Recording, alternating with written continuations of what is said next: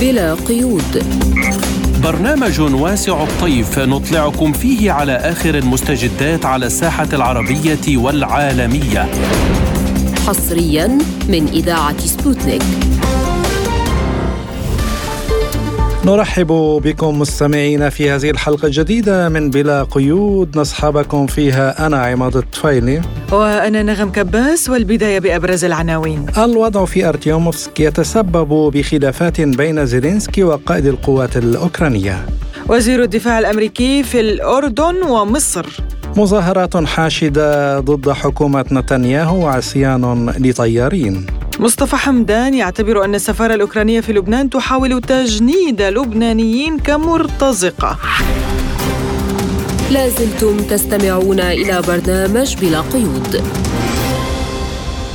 ونبدأ الحلقة بالشان الأوكراني حيث ذكرت صحيفة ألمانية أن الوضع حول أرتيوموفسك تسبب في خلافات بين الرئيس الأوكراني فلاديمير زيلينسكي والقائد العام للقوات المسلحة الأوكرانية فاليري زالوجني. ووفقا للصحيفة دار جدال حول الوضع في أرتيوموفسك فيما أوصى زالونجيني لأسباب تكتيكية قبل أسابيع قليلة بالانسحاب من المدينة إلا أن الحكومة الأوكرانية ترى أنه من المهم التمسك بهذه المدينة في الوقت الذي يتفق فيه الجنود الأوكرانيون مع موقف زالوجني لأنهم لا يفهمون الغرض من الدفاع عن أرتيوموفسك. وبحسب الصحيفة فإن الجنود الأوكرانيين يعتقدون أن الانسحاب كان يجب أن يحدث منذ فترة طويلة وإذا حصرت المدينة فسوف يتسبب الأمر في كارثة. فيما يخص الوضع في أرتيوموس يقول المراسل الحربي يفجيني بدوبني لسبوتنيك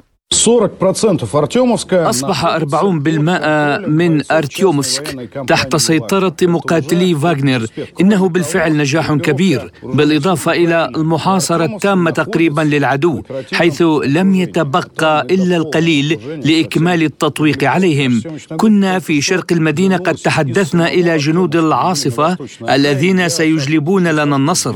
الآن في أرتيومسك وفقا لمقاتلي فاغنر هناك حوالي 10 إلى 12 ألف جندي وضابط من نظام كييف تحت الحصار. ليس لدي شك في حدوث تطويق كامل خاصة إذا تم الحفاظ على وتيرة الهجوم وعلى نوعية وكمية الأضرار التي ستنجم عن القصف الناري. وهنا عمل الطيران ضروري أيضا. عندما سيتم تطويق المدينة بشكل كامل سيكون فيها خمسة آلاف شخص وهذا أكثر مما كان عليه في ماريوبل. يوجد في المدينة من وحدات القوات المسلحة الأوكرانية الحرس الوطني ومن مختلف التشكيلات النازية الجديدة ومن فلول آزوف والفيلق الأجنبي. الآن تأتي خاتمة أكبر نجاح لنا على الإطلاق. يفقد العدو فيه عددا كبيرا من الأفراد والمعدات عند مغادرة مدينة آرتيومسك وقريبا سيتحقق نجاحا كبيرا إذا لم يحدث شيء غير عادي.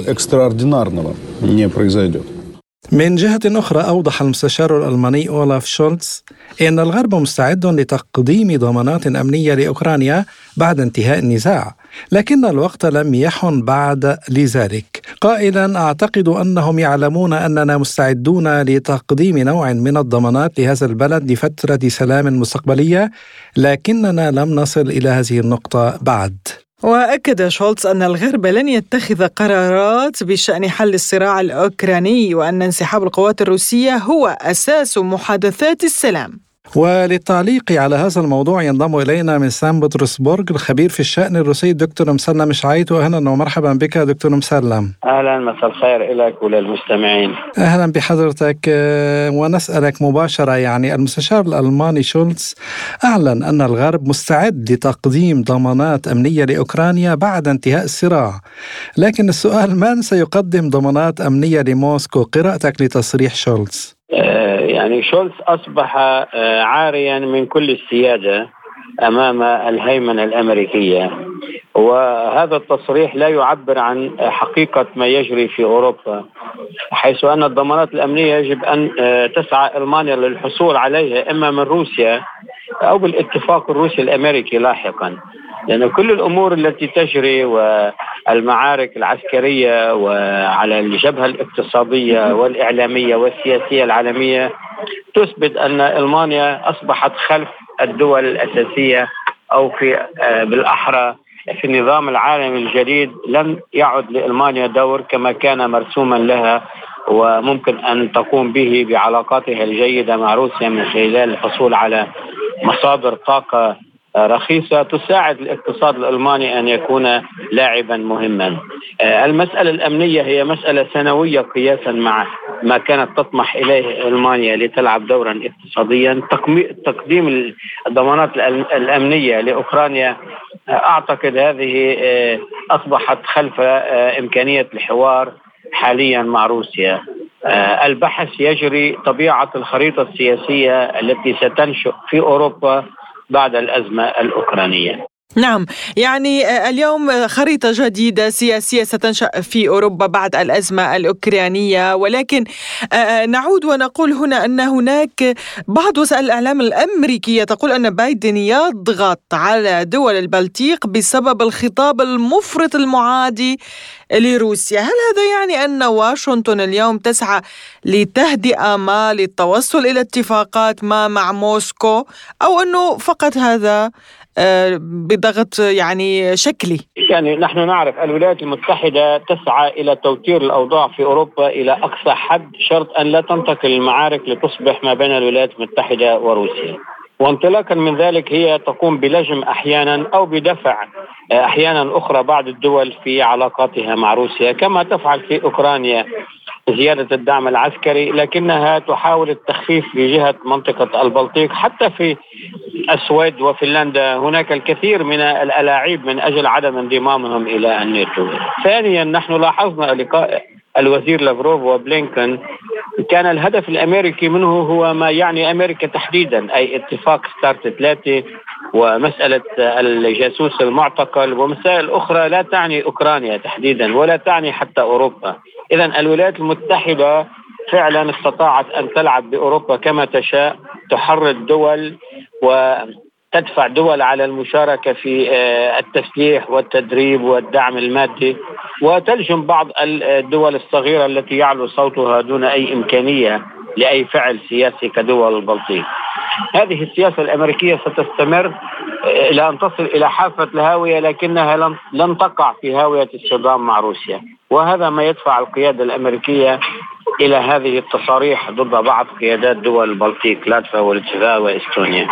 نعم دكتور مسلم فيما يخص الوضع الميداني العسكري وخصوصا ما يتعلق بارتيوموفسك آه، أو باخمت هي ارتيوموفسك روسيه يعني وستعود إلى روسيا بالكامل إن شاء الله. آه، لكن آه، لاحظنا إنه في الإعلام الغربي خصوصا الألماني هناك لهجة جديدة يعني وكأنه اعتراف بنصر روسيا في هذه في هذه المعركة وهناك أيضا يعني مثلا صحيفة ألمانية تقول أن هناك أشخاصا في أرتيومسك يطالبون ينتظرون تحرير المدينة من قبل الجيش الروسي برأيك متى سيتم الإعلان عن تحرير هذه المدينة ومدى وما مدى أهمية ذلك استراتيجيا على مواصلة العملية العسكرية برأيك؟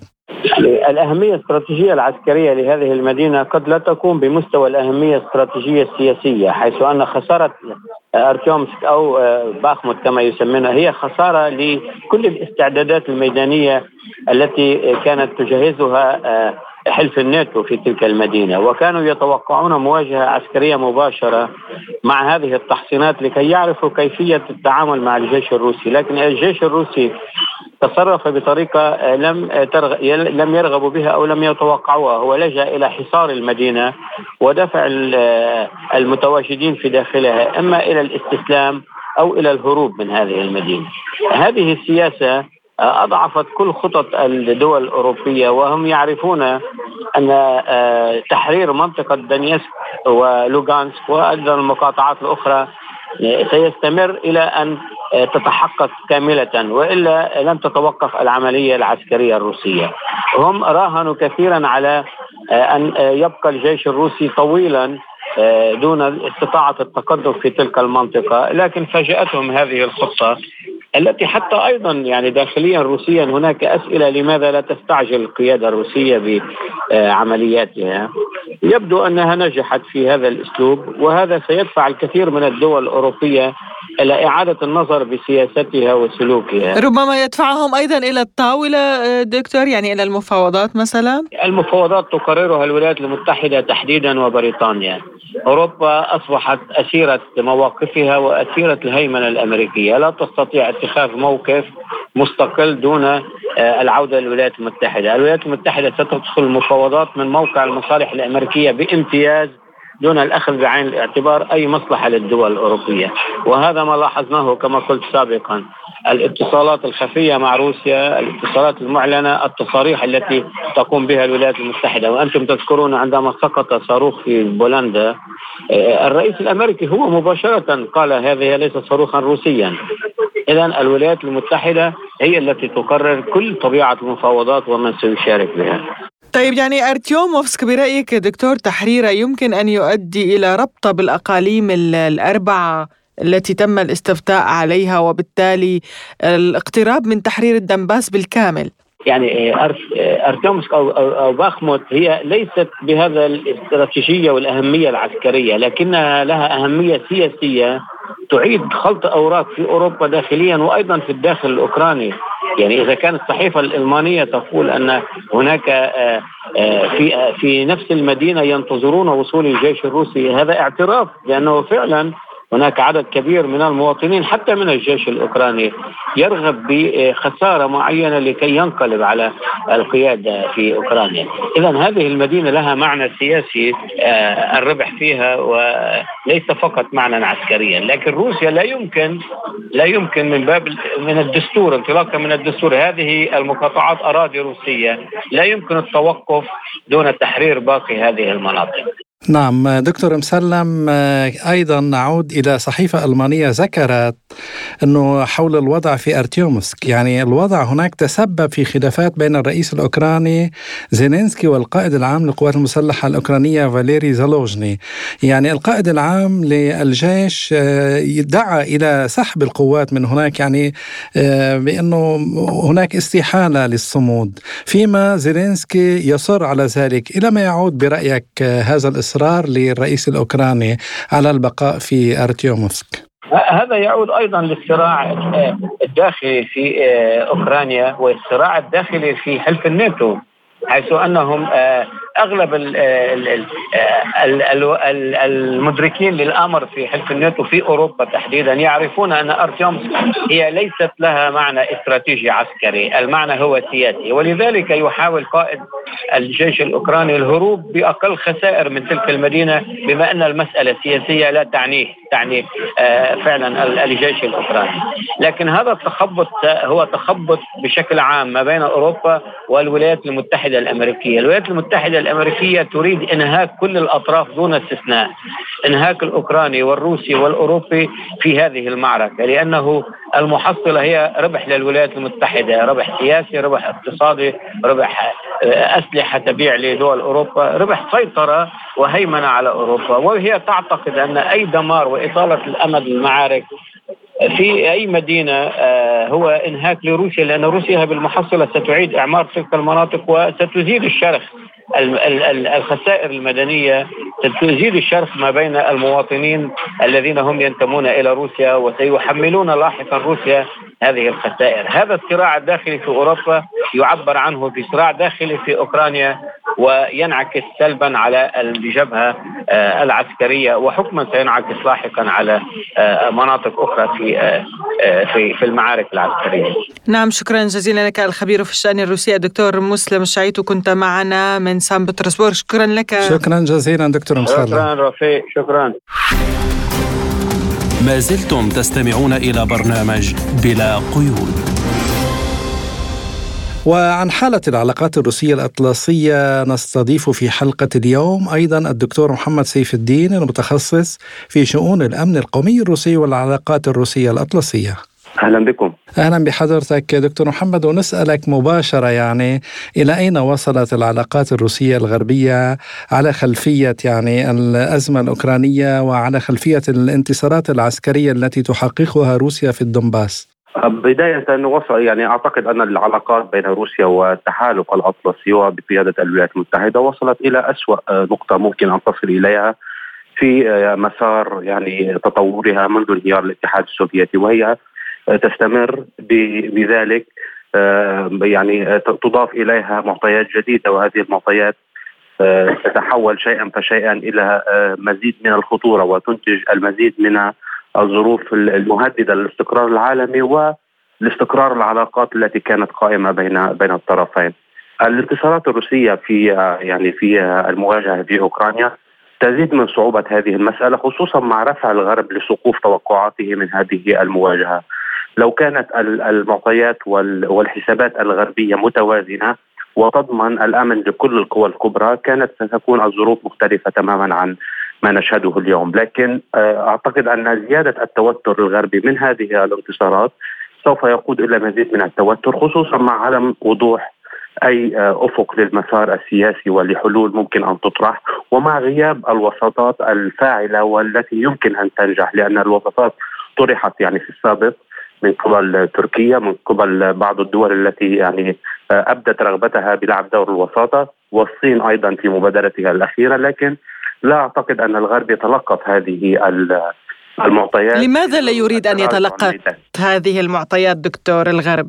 لأنه يراهن على تقدم في الميدان للقوات الأوكرانية وهذا التقدم يبدو أنه لا يزال آه، متعثرا وهو لا يقبل بنتائج الميدان وما تفرزه هذه النتائج خصوصا أن المواجهة لا ترتبط فقط بالمواجهة الميدانية في أوكرانيا، المواجهة تتم على أعلى مستوى في النظام الاقتصادي الدولي في العلاقات الدولية وهي مواجهة ترتبط بالصراع على قمة العالم وليست مواجهة محصورة فقط بالتقدم العسكري والتنافس في الميدان الأوكراني.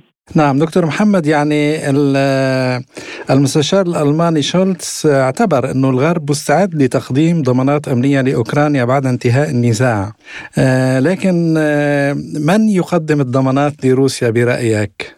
على الطرف الآخر هو الذي يعني يستطيع تقديم هذه الضمانات لأن روسيا تنظر إلى التحالف الأطلسي خصوصا بعد انهيار الاتحاد السوفيتي وحل حلف وارسو بانه هو الذي يشكل خطرا عليها وبالتالي هي تطلب هذه الضمانات وقد طلبتها بشكل رسمي قبل اندلاع المواجهة الحالية في أوكرانيا.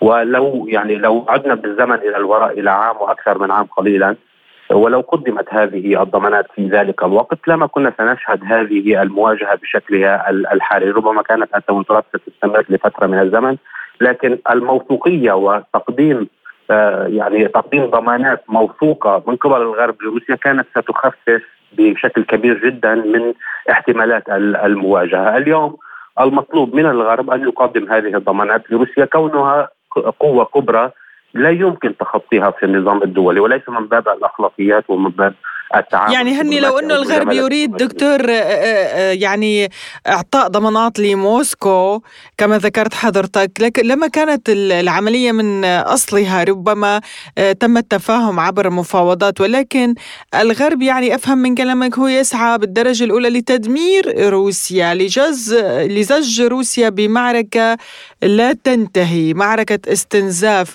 وليس هو تقديم ضمانات يعني أمنية. لو يريد تقديمها كان قدمها. هذا ما أشرت إليه في السابق في الحديث الاولي بأن الغرب لو قدم هذه الضمانات أو لو كان ملتزما بتقديم هذه الضمانات لما انفلشت هذه المواجهة بشكلها الحالي، لكن الغرب إذا عدنا بالمسار بعد انهيار الاتحاد السوفيتي نجد أنه وسع تحالف الشمال الأطلسي ووسعه بشكل بأن يحتوي روسيا في استراتيجية احتواء وبأن يحد من نفوذها ومن فعاليتها وأن يحد من مصالحها في الفضاء الأبعد قليلا من من محيطها القريب وتحديدا في العلاقات مع دول أوروبا الغربية، الغرب آه، نتحدث هنا عن الولايات المتحدة لأنها هي قائدة هذا التحالف.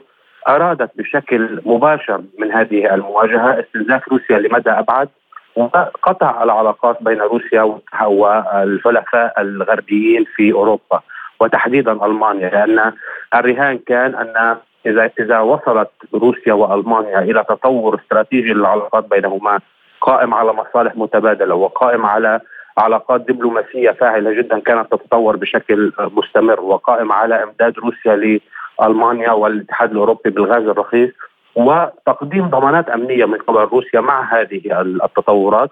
يعني كان ممكن أن يؤدي إلى تحالف لا يمكن للولايات المتحدة أن تتعامل معه وتحافظ على مصالحها وهذا الأمر الذي حدا بها إلى محاولة قطع هذه العلاقات وقد نجحت جزئيا بهذا بهذا الأمر. يعني آه، نتحدث حتى الآن خصوصا عند تفجير آه، خطوط الأنابيب في آه، في شمال أوروبا. وبالتالي هذا ما أراده الغرب وهذا ما حصلت عليه الولايات المتحدة بنسبة كبيرة. لكن أيضا هناك وجه آخر للمسألة وهو أن روسيا وجدت بدائل لها واستمرت باستراتيجيتها التي تريد التحول لقوة عالمية وأن تنتج مع حلفاء آخرين ومع مستفيدين آخرين ومع لقاء مصالح مع قوى أخرى أن تنتج عالما متعدد الأقطاب وهذا هو الهدف الكبير. طيب سؤال أخير دكتور محمد برأيك يعني إلى أين تسير الأمور في ظل هذا الصراع بين روسيا والغرب؟ على المستوى الميداني أعتقد أن هناك تأثير كبير جدا للتقدم للقوات الروسية في ساحة المعركة، هذا الأمر سوف يقود إلى معطيات جديدة تفرض نفسها على حسابات القوى الغربية، ربما تقودها في مرحلة ما في الأشهر المقبلة إلى محاولة طلب وقف هذه الحرب، لكن أيضا كما اشرت في البداية المسألة الأكثر خطورة والأكثر أهمية هي ما يجري في النظام الاقتصادي الدولي والشبك في العلاقات بين القوى الصاعدة. وهذا الأمر يهدد يعني نفوذ الولايات المتحدة على العالم. وبالتالي قبل أن تجد تركيبة أو صياغه أو آه، نوع من مشروع لشكل العلاقات الدولية المقبلة أعتقد أنها لن توقف يعني دفعها باتجاه التفجر في محيط روسيا وفي محيط الصين أيضا. نعم شكرا جزيلا لك الدكتور محمد سيف الدين المتخصص في شؤون الأمن القومي الروسي والعلاقات الروسية الأطلسية شكرا لك دكتور. شكرا لكم. لازلتم تستمعون إلى برنامج بلا قيود. وإلى زيارة وزير الدفاع الأمريكي للأردن في ظل التوتر والتصعيد الذي تشهده الأراضي الفلسطينية المحتلة من جهة والداخل الإسرائيلي من جهة أخرى حيث أكد العاهل الأردني الملك عبد الله الثاني خلال لقائه في العاصمة عمان وزير الدفاع الأمريكي لويد أوستون أكد ضرورة التهدئة وخفض التصعيد في الأراضي الفلسطينية ووقف أي إجراءات أحادية الجانب تزعزع الاستقرار وتقوض فرص تحقيق السلام. ونوه العاهل الأردني إلى ضرورة تكثيف الجهود لخلق أفق سياسي يمهد الطريق إلى إعادة إطلاق المفاوضات بين الفلسطينيين والإسرائيليين للوصول إلى السلام العادل والشامل على أساس حل الدولتين مجددا التأكيد على أهمية قيام الدولة الفلسطينية المستقلة ذات السيادة والقابلة للحياة على خطوط الرابع من يونيو حزيران عام 1967 وعاصمتها القدس الشرقية. وللحديث عن أهمية هذه الزيارة ينضم إلينا عبر الهاتف من القاهرة الخبير بالشأن الأمريكي الدكتور محمد سيد أحمد أهلا بك دكتور محمد في بلا قيود وأبدأ من أهمية هذه الزيارة أسبابها في ظل التصعيد في الأراضي الفلسطينية المحتلة هل الأمر يتعلق فقط بفلسطين أو بملفات أخرى برأيك؟ آه، يعني طبعا آه، الزيارة آه، مرتبطة ببعض الأحداث الأخرى مرتبطة بطبعا فلسطين بشكل محدد نتيجة ما يحدث بالداخل الفلسطيني المحتل من انتفاضة فلسطينية في وجه السياسات المتعنتة لليمين المتطرف الذي يسيطر على الحكم داخل الكيان الصهيوني الآن و آه، يمارس آه، يعني كل أشكال التنكيل بالشعب العربي الفلسطيني وبالتالي يعني الشعب العربي الفلسطيني لن يقف مكتوف الأيدي ويحاول أن ينتفض من جديد في وجه هذا الكيان وبالتالي الأوضاع بالداخل الفلسطيني غير مستقرة كمان. آه، خلينا نؤكد على إنه ما حدث من آه، أحداث بسوريا آه، في أعقاب الزلزال ويعني المساعدات الإنسانية التي كسرت الحصار على سوريا. وبالتالي هناك تقارب عربي سوري بشكل كبير وهناك تغير في المواقف تجاه سوريا بشكل كبير وبهذا يقلق الولايات المتحدة الأمريكية التي بالفعل لديها قوات موجودة في شمال شرق سوريا وهذه القوات أصبحت الآن عرضة لمخاطر حقيقية من قبل التحرك الوطني السوري المقاوم الذي بالفعل يمكن أن ينتفض في وجه هذه القوات ويكبدها خسائر وبالتالي يعني هناك العديد من الملفات التي يمكن أن نرجع زيارة وزير الدفاع الأمريكي يعني الأردن على أثرها وبالتالي يعني ما نقدرش نقول إنه ملف واحد بس هو المعنية به الولايات المتحدة الأمريكية في هذا الشأن بل هناك عدة ملفات لكن يظل الملف الأكثر الحاحا بالنسبة للولايات المتحدة الأمريكية هي الملف الفلسطيني باعتبار المقاومة الفلسطينية ضاغطة بشكل كبير على المستوطنين الصهاينة الموجودين على الأرض الفلسطينية المحتلة واللي يعني بالفعل بدأوا يفكروا بشكل كبير في يعني العودة مرة أخرى من حيث أتوا. نعلم جيدا أنه كل أو غالبية المستوطنين يحملون جنسيات دول أخرى ولا زالوا يحملون جنسية هذه الدول على الرغم من جنسياتهم الإسرائيلية. بما أنه حضرتك ذكرت سوريا هناك أيضا زيارة سرية لرئيس هيئة الأركان الأمريكي إلى قاعدة لقواته في سوريا. هل تعتقد أنها تفقدية أو أنه يتم التحضير لآمر ما ربما التوتر مع إيران؟ يعني أنا أعتقد أنه التحرك ليس تحركا عفويا. التحرك تحرك يعني منضبط. تحرك أعتقد أنه الولايات المتحدة الأمريكية تخشى على مصالحها في المنطقة وتخشى على مصالحها في يعني المكان الذي يعتبر بالنسبة لها مكان استراتيجي لديها قواعد عسكرية لديها يعني كثير من المصالح.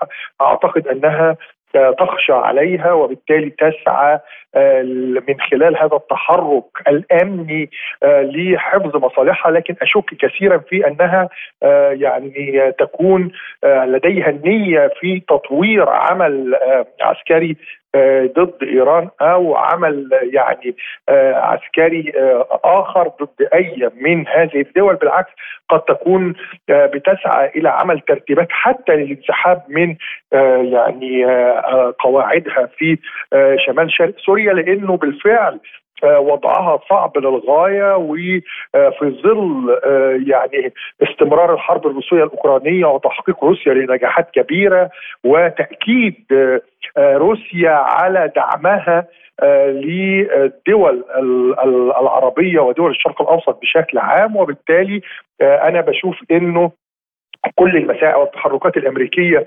لمحاولة يعني الحفاظ على مكتسباتها و يعني محاولة الخروج بأقل خسائر ممكنة خاصة إنه بالفعل الولايات المتحدة غير قادرة على يعني شن حمله حملات عسكرية أو خوض حروب جديدة في ظل الأوضاع التي تمر بها الآن. ونعلم جيدا إنه الداخل الأمريكي يعني معترض إلى حد كبير على التدخلات في الحرب الروسية الأوكرانية ونعلم جيدا إنه هناك إشكاليات كبرى لدى إدارة بايدن في هذا الشأن وبالتالي أنا بشوف إنه الولايات المتحدة الأمريكية عليها الآن إنها بالفعل يعني تعيد ترتيب أوراقها في منطقتنا ومن بين هذه الترتيبات التي تعيد يعني يعني أوراقها فيها إنها تنظر إلى الوضع العسكري. عشان كده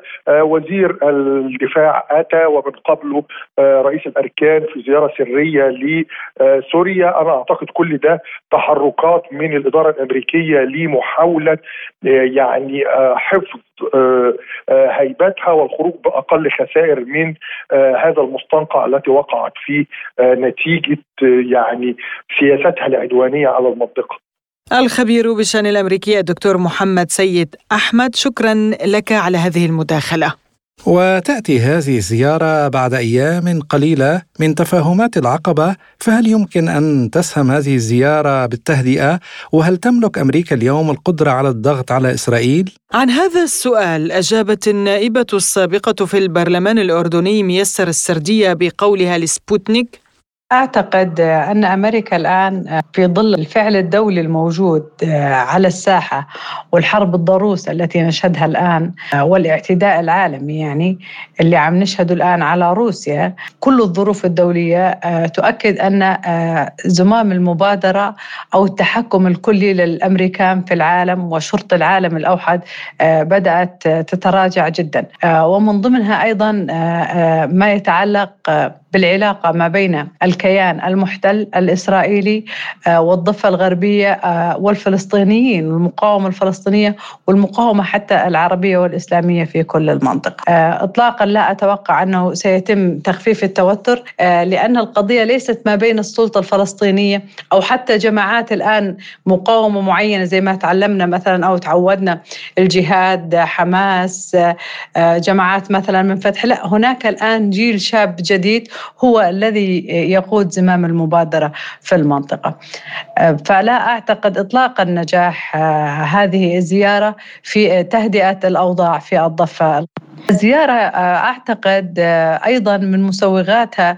يعني ليس ما صرح حتى أوستن وزير الدفاع الأمريكي قبل قدومه إلى الأردن كتب تويتر على ما أذكر أنه دعم الحلفاء والشركاء في المنطقة. ما هذا كلام للإعلام يعني كلام للمنشيتات. تاريخيا معروف يعني فترة ما بعد الحرب العالمية الثانية. المنطقة وتواجد أمريكا بالمنطقة ومن حلفاء أمريكا ومن شركاء أمريكا والاستراتيجية الأمريكية في المنطقة.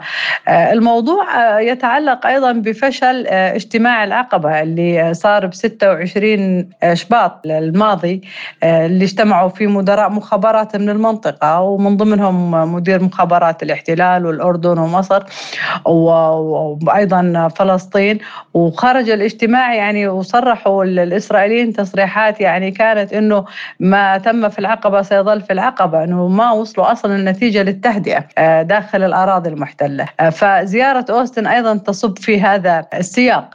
وما ننساش كمان أنه إحنا مقبلين على رمضان الكريم ورمضان الكريم ترتفع فيه. خلينا نحكي المشاعر الدينية عند الناس. وكمان الأقصى المسجد الأقصى بيصير الوضع آه، وضع العبادة والتردد عليه مختلف تماما. التعاطف أيضا اللي بيكون موجود حتى خارج فلسطين مع الشعب الفلسطيني مختلف. فأتوقع أنه إحنا مقبلين على شهر مقدس ملتهب جدا فيما يتعلق بالمقاومة الفلسطينية آه، حتى المقاومة الجديدة يعني آه، وما يتعلق بحكومة نتنياهو آه، المتطرفة جدا. واعتبرت السردية أن حكومة نتنياهو الأكثر تطرفا وأن هذا الدعم الكبير من الأسلحة النوعية والصواريخ لا يستهدف إيران فقط بل المحور الكامل الذي بدأ يتشكل في العالم. حكومة الاحتلال الإسرائيلي يعني متطرفة ومش بس متطرفة يعني شهدنا حكومات سابقة متطرفة بس عندهم طريقة ما للتصرف. الآن فيها يعني أعضاء لما واحد منهم يطلع وبيحكي في هذا الوقت بالقرن الحادي والعشرين وبانتشار الإعلام والآن كل شاردة وواردة ترصد آه، يقول أنه سيزيل بلدة حوار عن الوجود. طبعا هم لأنه تاريخهم زالوا آه، مئات القرى الفلسطينية عن الوجود وزرعوا مكانها آه، أشجار صنوبر أو عبدوا طرق وملاعب وملاهي. فهذا يعني أقصى التطرف وبعد تراجعوا وصاروا يعتذروا. أضف إلى ذلك الموضوع يتعلق بالمنطقة كاملة. يعني هم بكل التصريحات مسؤولين غربيين بيحكوا عن التهديد الإيراني وتسليح إيران البعض خلينا نحكي الجماعات. هم قصدهم أنه المقاومة الفلسطينية ودعمها بالسلاح.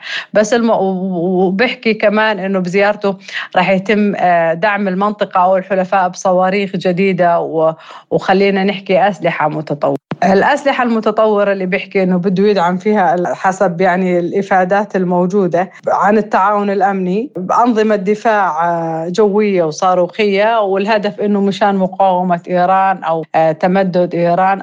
إطلاقا مش الموضوع مش بس إيران الموضوع يشمل إيران ويشمل المحور الجديد كامل آه، حتى اللي شاف تقرير وزارة أو قرأ تقرير وزارة الخارجية الصينية اللي أصدرته قبل أيام فيما يتعلق بأمريكا. أمريكا. يعني ما كانش تقرير آه، يحمل أي روح آه، دبلوماسية. كان عبارة عن جردة حساب لما فعلته أمريكا في العالم أجمع. من تاريخ لما صارت أمريكا أمريكا وبدأت تسيطر على العالم. في محور يتشكل في آه، نظام عالمي جديد يتشكل تقاتل من أجل هذا النظام روسيا معها دول. وبلشنا نشوف حتى طريقة التعامل كاملة. يعني والتعاون كاملة وما ننساش كمان السعي الدبلوماسي الكثيف الروسي في آه، مختلف أنحاء العالم.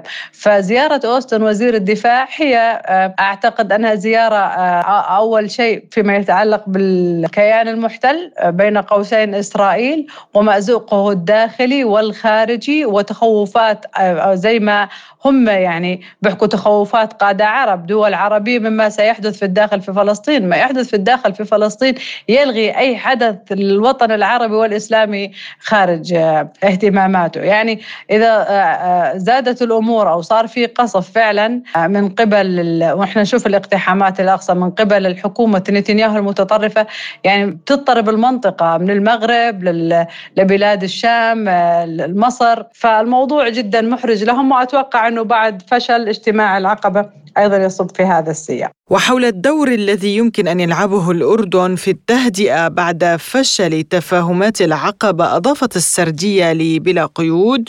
يعني أعتقد إنه وضع الأردن فيما يتعلق أنا ما أتوقع إنه الأردن قادرة آه، لوحدها آه، ممكن الأردن وسيط وضاغط آه، وبتحاول خاصة قضية وصاية الوصايا الهاشمية على المقدسات.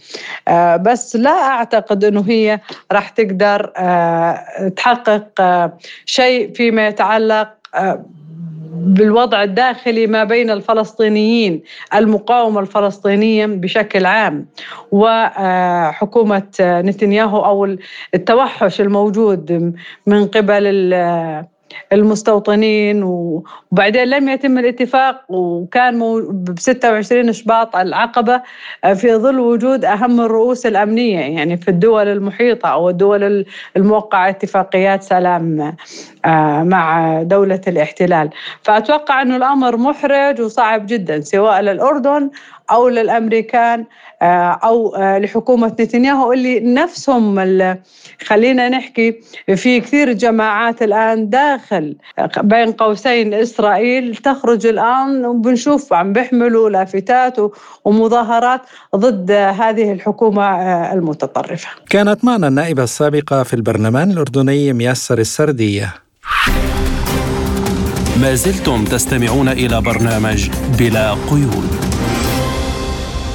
وننتقل إلى الشأن الداخلي الإسرائيلي والمظاهرات الحاشدة التي خرجت في البلاد ضد حكومة نتنياهو حيث اعتقلت الشرطة الإسرائيلية أربعة أشخاص خلال احتجاجات في تل أبيب ضد الإصلاح القضائي الذي تقوم به الحكومة. وتظاهر نحو 400 ألف متظاهر ضد الإصلاح القضائي في جميع أنحاء إسرائيل فيما استخدمت الشرطة الإسرائيلية خراطيم المياه ضد المتظاهرين في تل أبيب.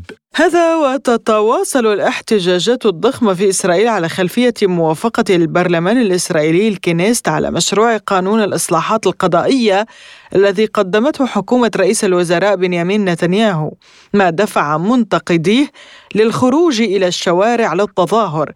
كما أعلن 37 طيارا احتياطيا إسرائيليا من أصل 40 العصيان وعدم الحضور لتدريب مقرر لهم احتجاجا على خطة الإصلاح القضائي في بلادهم. ولمناقشة هذا الموضوع ينضم إلينا عبر الهاتف رئيس الحزب القومي العربي وعضو الكنيسة الإسرائيلي السابق محمد حسين كنعان.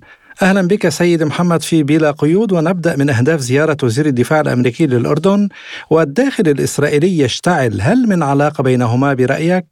طبعا دون ادنى شك أن أن الإدارة الأمريكية أو مسؤول أمريكي آه، رفيع المستوى لا يأتي إلى المنطقة آه، لمجرد آه، انه الأوضاع في الأراضي المحتلة تشتعل نارا بسبب همجية وتصرف وفاشية الاحتلال وما حصل في قرية حوارة ومن ما حصل من بشائع.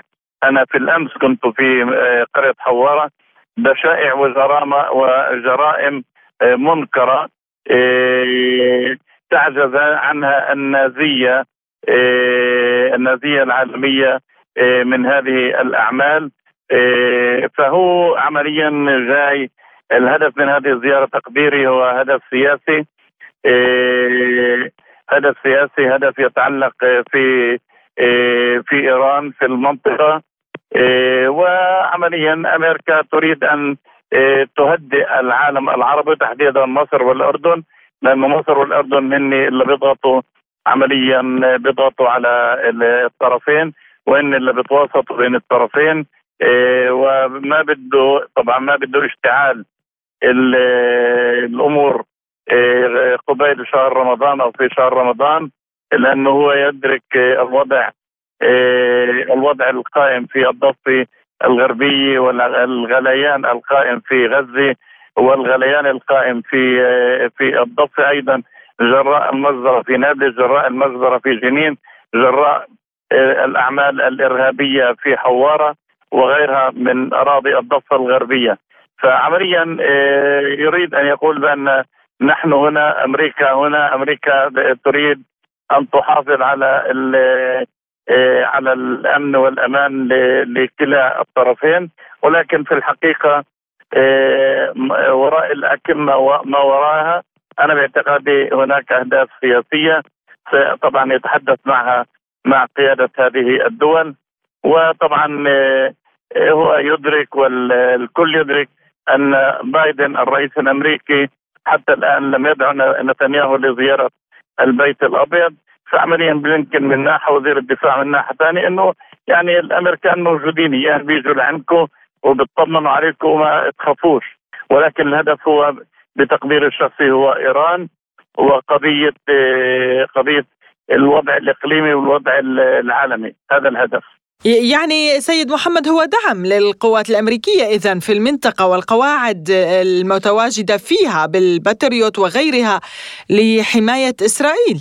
الأمر يتعلق طبعا بأمر عسكري آه، من الصف الأول. يعني عمليا لأنه آه، أمريكا آه، تدرك إنه لربما ضرب إيران أو ضرب ما يسمى المفاعل الذري الإيراني لربما يشعل المنطقة ويشعل العالم بحرب عالمية ثالثة. وأقول ذلك لأنه إيه، نحن نعرف وندرك ونشعر بالتقارب الإيراني الروسي، التقارب الإيراني الصيني والكل يعرف أن معظم النفط الذي يستورد إيه، للصين هو من إيران، فهذه الأمور كلها إيه، مربوطة مع بعض البعض، فلذلك لذلك عمليا جاءت هذه الزيارة، نعم في قواعد أمريكية في هذه الدول.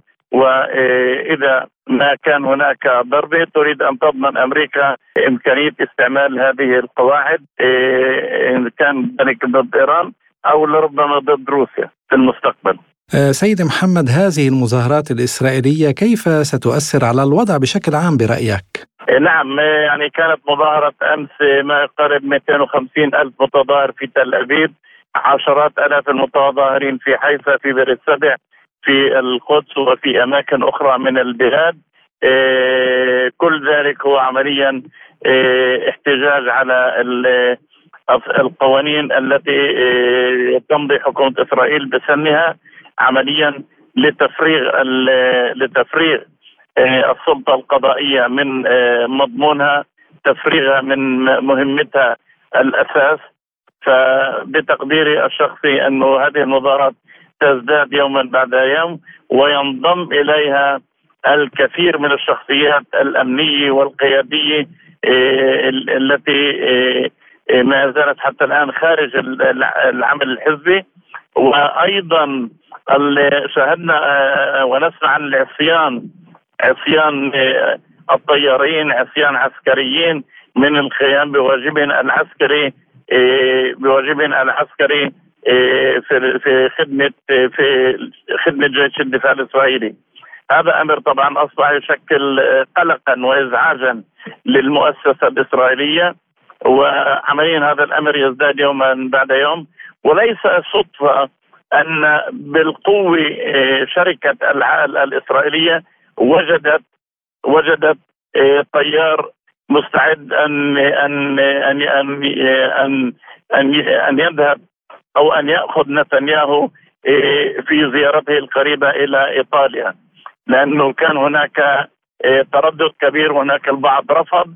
ولكن يعني هذا أمر ما كانش ما كانش موجود. هذا أمر هي مسبوق وسابقة في إسرائيل.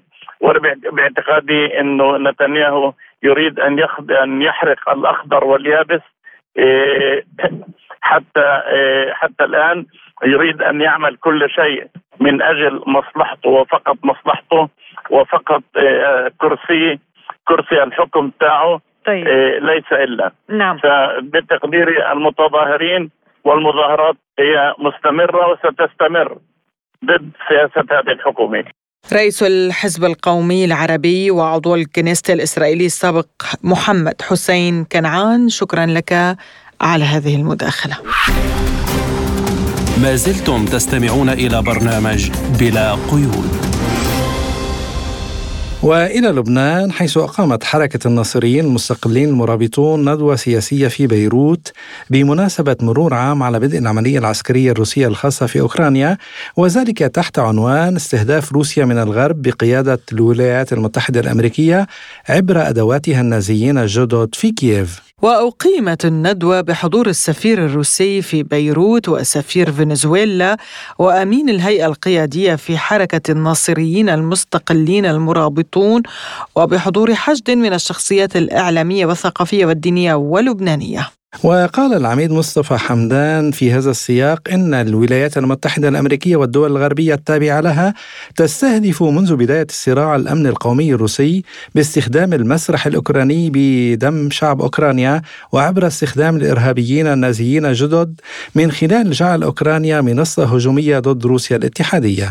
وأضاف حمدان أن السفير الأوكراني في بيروت يدعو من خلال وسائل التواصل الاجتماعي لبنانيين أن يكونوا مرتزقة للقتال في كييف مع النازيين بأمرة الولايات المتحدة على الأرض الأوكرانية وإليكم ما يقوله لبرنامجنا العميد مصطفى حمدان في حديث لبرنامجنا عن الفعالية التي نظمتها حركته في مرور أو بمناسبة مرور الذكرى الأولى للعملية العسكرية الروسية في أوكرانيا. علي قلت لك انه إنه عم بيحاولوا بالساحه اللبنانيه يراكموا الخطأ اللي عملوه اللي عملته وزارة الخارجية اللبنانية بالإعلان الشهير تبعه واللي رفضناه ورفضته أغلب القوى الوطنية وال والقومية والإسلامية. وبالتالي على 100 يوم آه هذا الممثل كييف ممثل النازيون الجدد الكييف بالسفاره الأوكران آه عملوا احتفالية آه مشوهة وكأنه آه تأكيد على الاعتداءات اعتداء روسيا على على أوكرانيا وخاصة رجعوا تحت الشعارات الوهمية أو المزيفه اللي بيحكوها عن حقوق الإنسان وما يجري في أوكرانيا. والأخطر إنه كان في ممثل الأمم المتحدة موجود بهذا الوقفه وكما وردت لنا معلومات من خلال بعض مواقع التواصل الاجتماعي إنه هناك دعوة يقوم بها ممثل كييف بالسر وبالعلن لتجنيد اللبنانيين من مناطق مختلفة في لبنان بسبب العوز والفقر والأزمة الاقتصادية اللي عم بيعيشها اللبنانيين. لحتى نطالب ما تبقى لأنه رجعت تراجعت شوي وزارة الخارجية وطالبت إنه وطلبنا وزارة الخارجية إنه حطي له حد بهذا الموضوع لأنه شفنا بالمرحلة السابقة لما كان الدواعش يستخدموا بعض اللبنانيين قد إيه راح ضحايا وقد إيه الأهالي كانوا يعانوا. اليوم الموضوع أخطر بأوكرانيا من موضوع اللي كان يصير خاصة إنه هؤلاء المرتزقة اللي عم بيروحوا عم يوقعوا كمان أيضا بالاسر وبالقتل. وشفنا أحد المصادر ما حدث مع أحد التلاميذ بالمغرب. تلاميذ أحد تلاميذ اللي كانوا عم بيقاتلوا المغرب اللي عم بيقاتلوا. بقى نحن حرصا منا على الشباب اللبناني. دعونا إلى هذا هذه الندوة السياسية بمرور عام على الشيء اللي صار على على حرب الغرب بقياده الولايات المتحدة الأمريكية على الأمن القومي الروسي. دعونا إلى هذه الندوه السياسية وفعلا كان في تجاوب وكان في تغطية يعني الناس تجاوبت وصار في تغطية إعلامية لها آه، تأييدا لما لما تمثله هذه الندوه السياسية. والفعاليات اللي حضرت كلها كانت متفقة على إنه آه، بعد يعني اللي اللي بنقوله إنه بعد سنة على مرور هذه الحرب العدوانية الأمريكية على أوكرانيا كرست كرست مثل ما بيقولوا ثوابت جديدة. اولا آه، تبين أن الولايات المتحدة الأمريكية لما بدها تاخذ آه، من ضرائب المواطنين تبعها ومن آه، وتضعف أوروبا وتضعف المكتسبات تبع الأوروبيين المواطنين الأوروبيين من خلال صرف ما يقارب التريليون دولار خلال سنة على دعم هؤلاء النازيين الجدد بأوكرانيا وبكييف. بأكد بأكد من هو المعتدي بحد ذاته يعني. وعن خطورة انضمام بعض اللبنانيين كمرتزقة في صفوف القوات الأوكرانية يقول حمدان لي بلا قيود. الموضوع الثاني والمهم كما قلت قصة التحذير من آه، يعني الاستمرار بمحاولات آه، تجنيد المرتزقة آه، من المواطنين اللبنانيين وبالتالي تجنيب آه، اللبنانيين جميعا المآسي اللي ممكن تنتج عن آه، ذهاب بعض الشباب اللبناني إلى إلى أوكرانيا للقتال كمرتزقة مع النازيين الجدد في في كييف. استمعنا إلى تعليق أمين الهيئة القيادية في حركة الناصريين المستقلين المرابطون العميد مصطفى حمدان. لازلتم تستمعون إلى برنامج بلا قيود ومن السياسة إلى الاقتصاد حيث أعلن وزير الخارجية التركي مولود جويش أوغلو أن بلاده تبذل جهودا لتمديد صفقة الحبوب التي من المقرر أن تنتهي في الثامن عشر من مارس أذار الجاري. وقال أوغلو خلال كلمة ألقاها في مؤتمر الأمم المتحدة حول تنمية الدول الأقل نموا المقام في قطر نحن نعمل بجد من أجل التنفيذ السلس وتمديد اتفاق الحبوب. إليكم ما يقوله لبرنامجنا الخبير في الشأن التركي والباحث في العلاقات الدولية محمود علوش في حديث لبرنامجنا عن المسعى التركي في هذا الاتجاه وهل يمكن أن تنجح جهود تركيا في تمديد صفقة الحبوب؟ يعني كما تعلمون اتفاقية الحبوب كانت أحد أكبر المنجزات الدبلوماسية لدور تركيا المتوازن في الصراع الروسي الأوكراني خلال العام الماضي وكان لها أهمية كبيرة بالنسبة لجميع الأطراف بالنسبة لروسيا من جانب بالنسبة لأوكرانيا وبطبيعة الحال بالنسبة لتركيا وأيضا بالنسبة لدول العالم على اعتبار أن الاتفاقية ساعدت إلى حد كبير في الحد من مخاطر الأمن الغذائي. لكن أعتقد أنه آه هذه الاتفاقية رغم أنه روسيا توافقت على تمديدها مرة جديدة آه، إلا أنه آه، لم تحصل روسيا على الفوائد التي كانت ترجوها من هذه الاتفاقية لا سيما فيما يتعلق بمسألة العقوبات أو القيود التي تفرضها العقوبات الغربية على صادرات روسيا من الأسمدة إلى دول العالم. طبعا أنا تقديري أنه خلال الفترة الماضية ك يعني كمراعاة للموقف التركي وافقت روسيا على تمديد هذه الاتفاقية. وفي الحقيقة سعت تركيا خلال قبل تمديد الاتفاقية التمديد الأول إلى يعني إجراء محادثات مكثفة بين الجانبين الروسي والأوكراني آه، من أجل ضمان تمديد هذه الاتفاقية. الآن تطمح تركيا إلى أن تستمر هذه الاتفاقية لأن استمرارها هو مصلحة لجميع الأطراف ويمكن بطبيعة الحال أيضا تطوير هذه الاتفاقية يعني بمعنى آه، التفاوض يجب ألا يكون فقط على تمديد هذه الاتفاقية بشكلها الحالي يمكن آه، أن تشمل تصدير مواد أخرى غير الحبوب والقمح عموما إلى مختلف دول العالم وبالتالي تتعامل تركيا مع هذه الاتفاقية ليس فقط من منظور اقتصادي بحت بل أيضا كأرضية يمكن البناء عليها من أجل آه، تمهيد آه، حالة يمكن البناء عليها من أجل إبرام اتفاق سلام بين روسيا وأوكرانيا في المستقبل. آه، بطبيعة الحال الجهود التركية آه، تواجه صعوبات طبعا آه، يعني رغم إنه آه، ارى بانه هناك مرونة روسية حقيقة في التعاطي مع هذه الاتفاقية وتمليها إلا إنه في نهاية المطاف هناك بعض المتطلبات التي يجب على الدول الغربية القيام بها فيما يتعلق بمسألة رفع القيود عن تصدير صادرات الاسمده الروسية إلى العالم من أجل الوصول إلى ضمان أو تمديد تجديد هذه الاتفاقية. وفيما يخص تصريح روسيا بأنها تنتظر أن تفي كل الأطراف بالتزاماتها وأنها مهتمة بإيصال الحبوب إلى البلدان الفقيرة بالدرجة الأولى يقول علوش. أنا أفترض أنه آه، من مصلحة جميع الأطراف بمن في ذلك الدول الغربية تمديد هذه الاتفاقية لعدة اعتبارات إن على مستوى الأمن الغذائي العالمي أو على مستوى الحفاظ على المكسب الإنجاز الدبلوماسي الوحيد الذي حصل خلال عام من الحرب والذي يمكن أن يبنى عليه كما قلت من أجل إطلاق عملية سلام بين روسيا وأوكرانيا وتهدئة الصراع الروسي الغربي عموما. لذلك آه، إذا ما توفرت الإرادة السياسية لدى الدول الدول الغربية.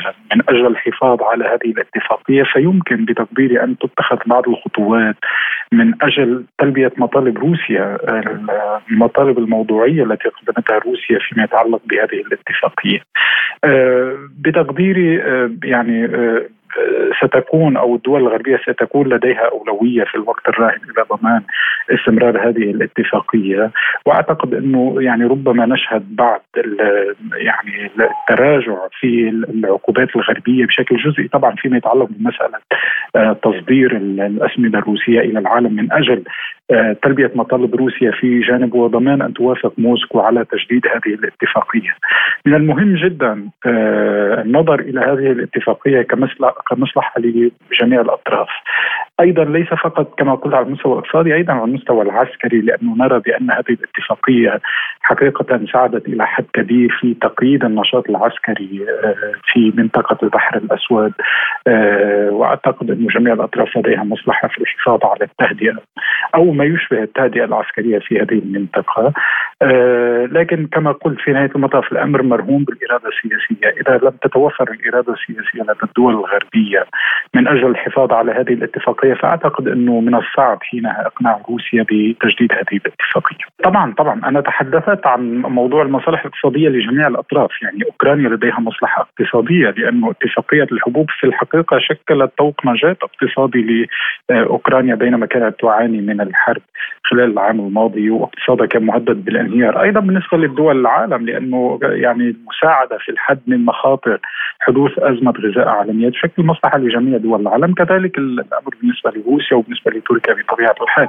لكن ما قصدته أنا فيما يتعلق بهذه المسألة إنه آه، لدى جميع الأطراف مصالح على المستويات الأقتصادية وعلى المستويات السياسية، يعني نحن نرى أيضا جانب آخر من هذه الاتفاقية هو التنافس بين روسيا والغرب على آه، آه، يعني تقديم أنفسهما كطرف يساعد الدول الفقيرة من أجل مواجهة أزمة الغذاء العالمي. كان معنا من إسطنبول خبير بالشأن التركي والباحث في العلاقات الدولية محمود علوش. فيما قالت المتحدثة باسم وزارة الخارجية الروسية ماريا زخارفا إن بلادها مستعدة للوفاء بالالتزامات الخاصة بها في مبادرة البحر الأسود لنقل الحبوب في حالة التزام باقي الأطراف بتعهداتهم عبر هذه الاتفاقية. ولفتت زخارفا إلى أن موسكو أوفت بالتزاماتها وستفي بها في جميع الاتفاقات. إليكم ما يقوله لبرنامجنا بهذا الصدد الخبير الاقتصادي نيكولاي كولباكا. أعتقد أن تمديد صفقة الحبوب سيحدث. لا أعتقد أن روسيا ستبدأ في ابتزاز دول أخرى بعد تجزئتها لأن هذا ليس في مصلحتها إلى حد كبير. تهتم جميع البلدان من نواح كثيرة بالبيع العادي للحبوب لأن الأمر يتعلق في نفس الوقت بمسألة إمداد الدول الفقيرة ومسألة الأرباح. روسيا مهتمة جدا بهذا الأمر. لأنها طريقة جيدة بما يكفي لجذب الموارد خاصة وأن سوق الحبوب لا يخضع للعقوبات. بهذا الملف نختم حلقة اليوم من بلا قيود. قدمناها لكم من استديوهاتنا في موسكو. أنا نغم كباس. وأنا عماد فايلي شكرا لإصغائكم وإلى اللقاء. إلى اللقاء.